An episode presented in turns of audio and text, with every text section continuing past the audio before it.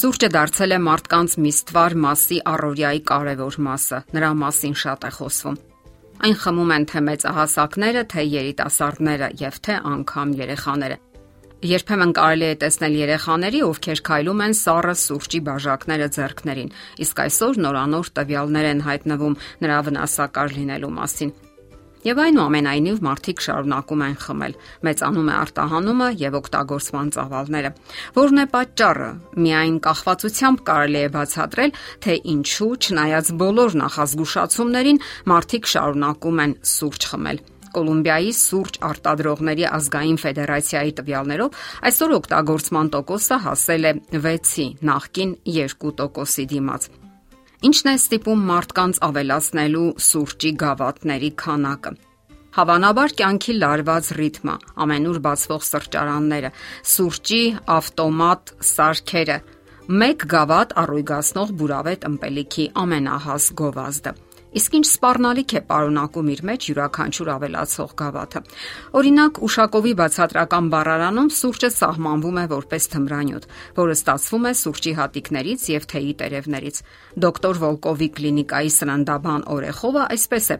ողջաբանում դա. Այո, սուրճը իսկապես ֆիզիկական կախվածություն է ձևավորում իր հանդեպ։ Հարցն այն է, որ այն արգելակում է ադենոզին նյութի ազդեցությունը, որը պատասխանատու է հոգնածության զգացումի հայտնվելու համար։ Դրանից բացի այն նեղացնում է անոթները, այսինքն բարձրացնում է ճնշումը եւ արագացնում նյութափոխանակությունը, դրանով խափելով հոգնած օրգանիզմին։ Իսկ երբ նրա ազդեցությունը թուլանում է եւ անոթներն իրենց բնականon վիճակին են գալիս, առույգությունը ցնդում է եւ դուք կրկնակի չափով եք հոգնություն զգում։ Գաղտնիք չէ, որ կոֆեինը մտնում է բազմաթիվ դեղամիջոցների բաղադրության մեջ, որոնք խթանում են կենտրոնական նյարդային համակարգը։ Դրանցից են ասկոֆենը, նովոմիգրոֆենը, պարացետամոլը, ցեֆալգինը եւ այլն։ Ստացվում է, որ 1 գավաթ էսպրեսոն մի փոքրիկ դեղատուն է։ Նրա մեջ պարունակվում է 100 միլիգրամ կոֆեին, այսինքն այնքան, որքան, ասենք, ասկոֆենի 2 հաբի մեջ։ Հասկանալի է, որ ամեն մեկին չէ, որ անհրաժեշտ է ամեն օր այդքան դեղ ընդունել, սակայն հենց դա են անում մարդիկ, խմելով սուրճի հերթական գավաթը, բայց չէ որ սուրճը շատերին է հակացուցված, այն հակացուցված է սրտի հետ խնդիրներ ունեցող մարդկանց, որովհետև սրտխփոց է առաջացնում, գլխացավ, կտրուկ բարձրացնում է արյան ճնշումը Այն հակացուցված է նաև ստամոքսի հիվանդություններ ունեցողներին, որովհետև գրգռում է եւ առաջ բերում ստամոքսահյութի առատ արտադրություն, որը կարող է հանգեցնել այրոցի եւ նույնիսկ գաստրիտի կամ խոցի սրացման։ Դրանից բացի մեկնաբանում է օրեխովը, կոֆեինը հզոր միզամուղ է եւ ջրազրկում է օրգանիզմը, իսկ նրա ազդեցությունը մնում է 3 ժամ։ Այսինքն, եթե դուք ժամը 7-ին սուրճ եք խմել, ժամը 10-ին նույնիսկ ձեր նյարդային համակարգը լարված է եւ դուք չեք կարող քնել։ Իսկ եթե նույնիսկ քնում եք, ապա ոչ խոր եւ ոչ լիարժեք։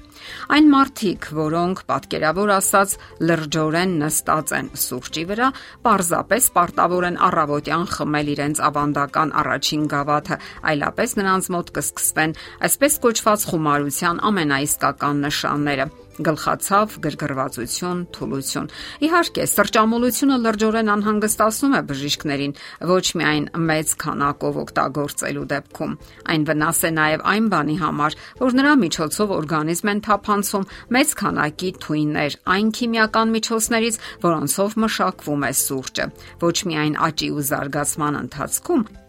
այլև, այսպես ասած, էքստրագենացիայի ժամանակ, երբ հանում են կոֆեինը։ Դա եւս վնասակար է, որովհետեւ պարունակում է մեծ քանակի թունավոր նյութեր։ Օրինակ տրիքլորեթիլեն կամ մեթիլեն քլորիդ։ Ջոն Հոփկինսի համալսարանի մասնագետ Ռոլանդ Գրիֆիթսը եւ իր գործընկերները պնդում են, որ սուրճից կախվածությունը եւ այդ կախվածության նշանները կարող են առաջանալ նույնիսկ նրանց մոտ, ովքեր խմում են օրական 1 բաժակ։ Սուրճից հրաժարվելու դեպքում առաջացող ախտանշանները նման են գրիպի հայտնվելու առաջին նշաններին՝ գլխացավ, մկանային ցավեր, հոգնածություն, ուշադրության խանգարումներ, սրտխառնոց։ Գրիֆիթսը իր աշխատության մեջ անդրադարձել է սուրճի կախվածությանը նվիրված վերջին 170 տարում կատարված հետազոտություններին։ Նա նշում է, որ կախվածության մասին տեղեկությունները հայտնվել են միայն վերջին աշխատություններում, եւ նա առաջարկում է սրճային թմրամոլությունը մտցնել հոգեբուժական եւ թմրամոլական հիվանդությունների դասակարգման մեջ։ Իսկ ինչպես կարելի է թույլատրել թմրանյութերին հատուկ խումարային համախտանիշները։ Սուրճի փոխարեն կարող եք խմել խոտաբույսերի թուրմեր եւ բուսական թեյեր։ Առույգացնող ազդեցություն են գործում նաև բոված գարին, ճարճատուկի արմատը կամ ցիկորին, խատուտիկի արմատը, ժնշենի արմատը, կոճապղպեղի կամ իմբիրի արմատը։ Սննդամթերքների առումով կարող եք ուտել կոշտ բջջանք պարունակող սննդամթերք։ Սուրճից հրաժարվելու դեպքում աղիների աշխատանքը դանդաղում է, իսկ բջջանքը ուժեղացնում է թունազերծման գործընթացը եւ բարելավում է օրգանիզմի մաքրումը։ Ձեր օրաբաժնի մեջ կարող եք ավելացնել բանջարեղենային ապուրներ, սալատներ, կանաչի, ծովային բույսեր, եգիպտացորեն, աճեցրած, ծլեցրած ցորեն, սոյայի մթերքներ, ընկույզ եւ սերմեր։ Սակայն դրանք բոլորն էլ հարկավոր է օգտագործել ճափավոր Եվ երբեք պետք չէ մոռանալ մրգերի մասին։ Դրանք մեր սննդային օրաբաժնի անհրաժեշտ բաղկացուցիչն են։ Հարկավոր է նաև նվազեցնել մսի, շաքարի, թխվածքների օգտագործման չափը։ Օրական պետք է խմել բավական քանակի ջուր, նվազագույնը 2 լիտր։ Առողջ կենսաձևը բավականաչափ կօգնի ձեզ հաղթահարելու սրճային կախվածությունը։ Իսկ ահա գովազդները պետք չէ լուրջ ընդունել։ Դրանք առևտրային նպատակներ ունեն եւ բոլորովին էլ մտահոգված չեն ձեր առողջությամբ։ Դե ի՞նչ, եթե ցանկանում եք մնալ կախվածության ճիրաններում, ձեր գործն է։ Դժվար է իհարկե ազատագրվել այդ օրինականացված թմրանյութից, սակայն ջանքերի դեպքում կարող եք հաղթահարել կախվածությունը։